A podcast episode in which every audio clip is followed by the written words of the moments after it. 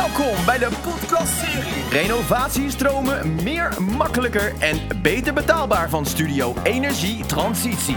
Peter Linders en Niels Rood. Van het programma Up Tempo praten met één gast die helemaal alleen één antwoord moet geven op de simpele vraag: Hoe zorgt jouw experiment? Hoe zorgt jouw experiment? Voor meer makkelijkere en beter betaalbare woningrenovaties. We stromen beginnen. Vandaag is onze gast Guus Mulder van TKI Urban Energy. Bij TNO hield hij zich al bezig met de contingentenstroom, nu bij TKI Urban Energy. Guus weet alles over de isolatiestroom die gaat komen. Daar willen we ook meer over weten. Vandaag in deze podcast. Welkom Guus Mulder. Dankjewel Peter. Stel jezelf even voor, maar dan uh, misschien uh, anders dan Peter net deed. We weten al iets, hè? je hebt bij TNO gezeten en nu bij TKI Urban Energy, maar uh, waar kom je verder vandaan en wat doe je? Uh, ja, ik heb uh, 12,5 jaar bij, uh, bij TNO gewerkt. tot begin dit jaar, in maart, ben ik bij de TKI begonnen. Um, ik heb een achtergrond als bedrijfswetenschapper ooit bij de, bij de VU gestudeerd. En ben daarna bij TNO begonnen, bij een team dat zich bezighield met transities in zijn algemeenheid. En ben in de eerste maanden nog eventjes met zorg bezig geweest, maar al heel gauw gegrepen door, door de gebouwde omgeving en de complexiteit van de opgave die daar, die daar ligt. Ik heb de eerste zes jaar um, overheden mogen adviseren, met name de Rijksoverheid, van hoe ga je nou langzaam dat hele ecosysteem de richting op krijgen die we met elkaar willen. En de latere jaren vooral bezig geweest om te kijken van ja, als je nou een bedrijf bent en, wat, en je moet daar wat mee en met deze verandering in de omgeving, wat zou je dan moeten doen? Um, nou, en nu mag ik dat vanuit TKI doen. We zijn benieuwd, Guus, verliefd, verloofd, getrouwd, waar woon je? Ik ben uh, verliefd, uh, verloofd en getrouwd. Nou, verloofd is uh, tijdelijk geweest, maar, maar nu, nu al bijna 12,5 jaar ook getrouwd met, met Meerte, mijn vrouw. Ik woon in, in Amstelveen, in een, ja, in de, dit kamer natuurlijk relevant hoekhuis uit de jaren 70, 78 om precies te zijn. Uh, niet energie-neutraal, uh, wel uh, volledig met, met zonnepanelen op het dak en wel zoveel dat ik daar ook met een elektrische auto op kan, kan rijden. Um, maar ja, je merkt gelijk als je thuis zit met, met de vrouw, moet je dan toch kijken van, van oké, okay, waar doen we de investeringen? dus energie-neutraal, dat zit eraan te komen. Oké, okay, je wordt klant van je eigen beleid. Uiteraard. practice what you preach, of course. Deze podcast die gaat over uh, renovatiestromen. Dus we kijken van hoe kan er opschaling uh, plaatsvinden in de, in de opdrachtensfeer uh, van het renoveren van woningen naar energie-neutraal. dus niet meer blijven steken in de pilots, maar echt grote aantallen maken. Maar jij, Peter noemde contingente aanpak. Wat is dat? Wat, wat heb jij daarin bedacht en meegedacht? Waar hebben we het over? Wat was jouw experiment? Ja, nou, de vraag die jullie stellen is eigenlijk ook de, het uitgangspunt geweest van de contingentenaanpak. Uh, ik werkte destijds uh, bij, uh, bij TNO. Vraag van, van de Raad van Bestuur van Guus, zou jij een stuk willen schrijven over de energietransitie? En kijk nou eens welke kennis we bij TNO allemaal beschikbaar hebben. Kunnen we op basis van die kennis niet eens een nieuw advies doen van hoe zouden wij het nou aanpakken? Nou, daar is de contingentenaanpak uitgekomen. Uitgangspunt is inderdaad geweest maar ja, als je ondernemer bent en je wil investeren in jouw, in jouw product, dan wil je een soort van doorkijkje hebben dat je ook weet dat het product, product in de komende jaren uh, toegepast gaat worden. En hoe ga je dat nou voor elkaar krijgen in een markt die uh, aan de ene kant versnipperd is, uh, maar waar ook de vraag op heel verschillende momenten tot uiting komt met, met, met verschillende gebouwen, met verschillende wensen. dus hoe ga je daar nou enige uniformiteit in, in, in krijgen? Dus daar hebben we toen met een hoop eh, TNO-collega's mee gesproken, gekeken van oké, wat, wat, wat, weten we, wat zou daarin kunnen? En daar is de contingente aanpak uitgekomen. Met als um, uitgangspunt van laten we nou kijken of de verduurzamingsoplossingen die er zijn, uh, of je die kan toepassen op een breder aantal gebouwen. Je ziet nu vaak dat het uh, een, een, maatwerk aanpak is. Dus je komt bij een project, je bedenkt een oplossing voor dat project en dat voer je uit en je gaat naar het volgende project. Maar eigenlijk wil je een standaard product hebben, wat je bij project 1, project 2, project 3 uh, toe kan passen. En wat je daar ook ziet is, hè, we zijn natuurlijk gaan, ook gaan praten met partijen die daar heel veel ervaring hebben. En in de woningcorporatiemarkt zie je dit al meer gebeuren. Hè? Woningcorporaties die met vaste strategische partners samenwerken. En die ook proberen te kijken naar, het, naar de woningvoorraad van zo'n woningcorporatie. En kijken van kunnen we daar nou de gelijksoortige projecten op dezelfde manier toepassen. En wat leren die partijen daar nou uit? En hoe kan je er nou voor zorgen dat uh, in plaats van elke keer die maatwerkprojecten, die projecten steeds hetzelfde, hetzelfde gaan zijn? Nou, daarvoor het, moet je... klinkt, eh, het klinkt een beetje als herken, deel en herhaal, eh, kort gezegd. Ja, ik denk dat dat een redelijk goede, goede samenvatting is. Uh, we hadden jou eerder moeten vragen, Peter. ja, dat wou ik net zeggen. Dus, uh, is het, uh, um, kom je veel drempels tegen, zeg maar, om het, dat je dit gaat toepassen, op deze wijze? Of is, ehm, is iedereen er klaar voor? ja, er zijn helaas verschillende drempels. Ehm, eh, het is eigenlijk gewoon ook een nieuwe manier van werken. Ehm, eh, bedrijven zijn heel erg gewend uh, om maatwerk te leveren. Dat is ook waar gewoon de Nederlandse bouwindustrie heel goed in is. Dat is gewoon echt een kwaliteit. daar zijn ze jarenlang gewend geweest hun, hun, hun, geld mee te verdienen.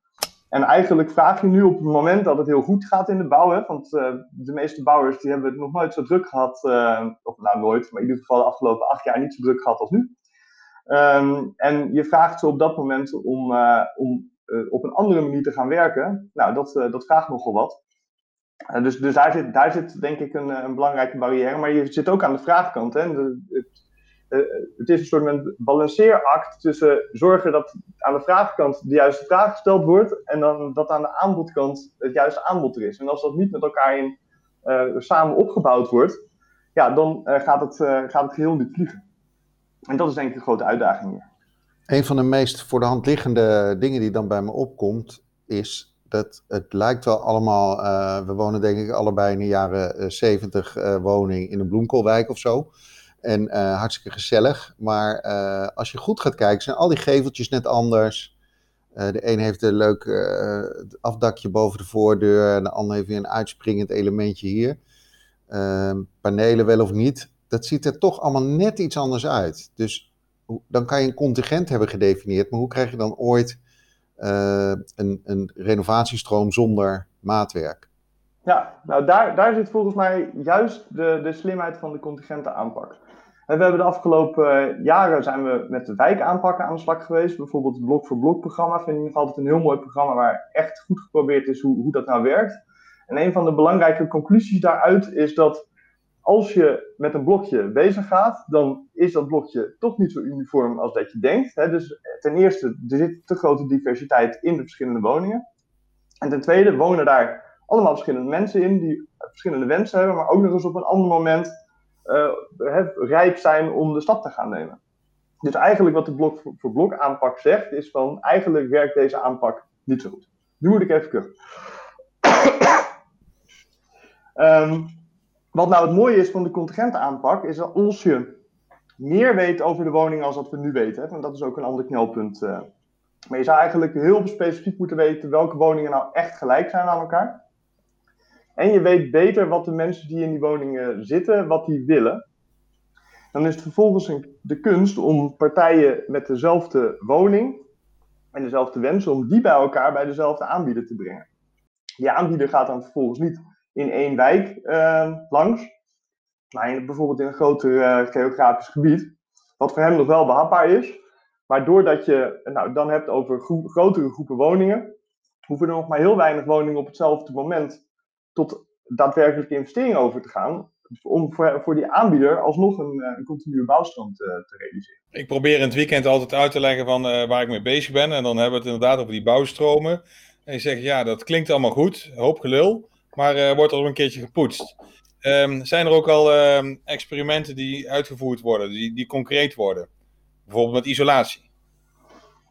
Ja, daar ehm, even nadenken hoe dit het beste kan vertellen. Een van de uitdagingen hierbij is dat natuurlijk de markt niet zo hetzelfde is. Hè? Dus bijvoorbeeld woningcorporaties is een ander verhaal als particuliere woningmarkt, is een ander verhaal als utiliteitsbouw.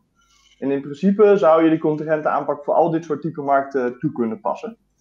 In de uh, corporatiemarkt zijn een aantal mooie voorbeelden hoe dit gebeurd is. Uh, door die strategische opdrachtgeverschap dat je daar ziet, de rijtjes die daar worden gezocht uh, en, en waar dit soort treintjes worden, worden gebouwd. En een van de meer inspirerende voorbeelden zijn de ERA-flats. Waar ehm, een aanpak is bedacht door een aantal aanbieders die diezelfde flat steeds op dezelfde manier gaat doen. En waar dus ook een speciaal team al die flats doorliep en op een gegeven moment na flat 3 precies wist van dit is wat ik tegen ga komen. Dit zijn de problemen. Kan een beetje naar links, kan een beetje naar rechts. Maar de aanpak wordt hetzelfde, waardoor je na flat 4 een, een heel specifieke aanpak hebt. Dat is een heel mooi voorbeeld. In de particuliere woningbouw is dit veel ingewikkelder. Omdat je daar te maken hebt met een versnipperde markt. Ehm, en daar zie je nu een aantal uh, trajecten ontstaan. Bijvoorbeeld in de Achterhoek zien we nu een traject waar vanuit een lokale energiecorporatie, AGEM, uh, wordt gekeken naar kunnen wij uh, met onze achterban organiseren zodat zij de vraag gaan stellen en kunnen aan de andere kant aanbieders organiseren die voor een specifiek deel van, van onze achterban een specifieke oplossing heeft, heeft ontwikkeld. Maar dat is nog in de, in de stijgers, hè, dus het wordt, wordt nog niet gerealiseerd. Uh, en daarnaast um, zie je dat er meerdere gemeentes zijn die ook kijken. Kunnen wij voor onze gemeente, dus niet meer per wijk, maar voor onze gemeente, iets gaan organiseren wat op de, op de contingente aanpak lijkt. En dat is ook iets wat wij natuurlijk willen stimuleren, willen, uh, maar daar ook dicht op willen zitten om te kijken van oké, werkt dit nou en hoe zou je dit nou op de beste manier op kunnen bouwen? Want zoals ik al zei, dat samen opbouwen, van aan de ene kant zorgen dat vraag ontstaat en aan de andere kant dat er specifiek aanbod ontstaat, uh, dat is best een hele grote puzzel. Nou, uh, hebben we een rechtstreeks lijntje met de formateur. Uh, willen graag jouw tip weten. dus waar moeten ze zich op gaan richten nu met, bij de formatie? Rondom jouw, ja, jouw, jouw onderwerp. Ja, um, wat, wat, je, wat, je, wat ons betreft sowieso moet doen, is dat je zorgt dat je alle onderdelen integraal oppakt. Je ziet nu te vaak losse programma's waar aan de ene kant een ISDE is en die zit in een ander kokertje als uh, de wijkaanpak in een ander kokertje. dus je zou dat veel meer integraal moeten kijken van oké, dit is een bepaalde doelgroep. Nou, neem de doelgroep particuliere woningeigenaren. En daarvoor gaan we een set aan maatregelen hebben die integraal in elkaar zit en die ook leert gedurende de tijd, zodat je dat kan bijsturen, zodat die onderdelen goed met elkaar samenwerken. Dat zou mijn eerste, eerste tip zijn. En voor de contingente aanpak specifiek um, zou mijn tip zijn, uh, probeer op een aantal plekken het los te krijgen. Dus we zijn heel goed in Nederland in het maken van pilots. Maar die pilots die moeten tot opschaling leiden. Nou, en voor de contingente aanpak is het juist, hè, daar gaat het om marktvorming.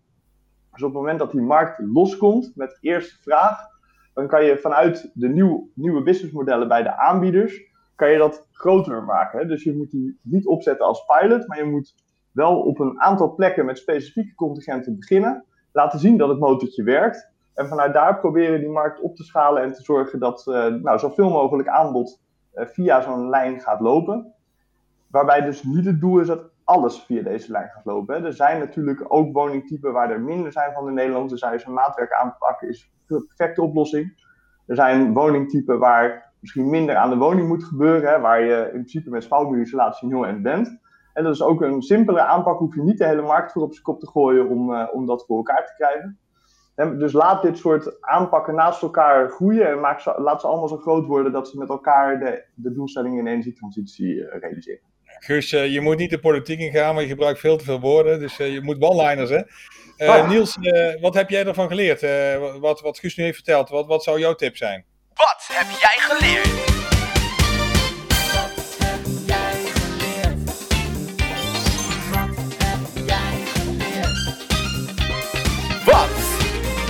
jij geleerd?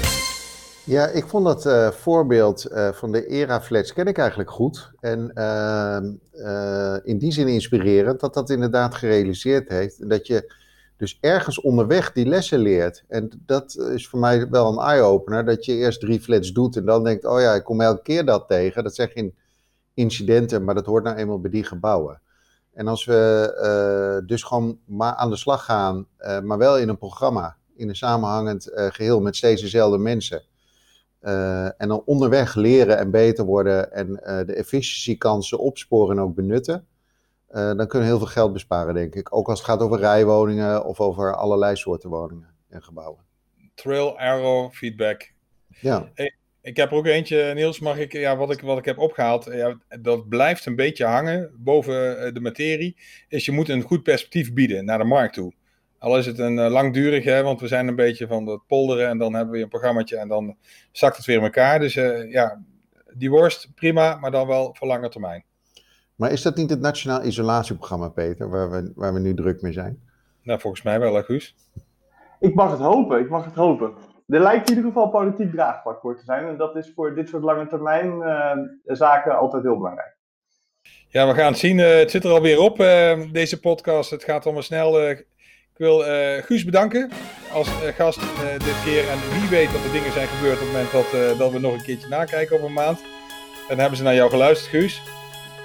Heel veel, succes, heel veel succes met TQ Urban Energy. En we gaan, de, we gaan de luisteraars natuurlijk bedanken. Die zijn uh, belangrijk voor deze serie.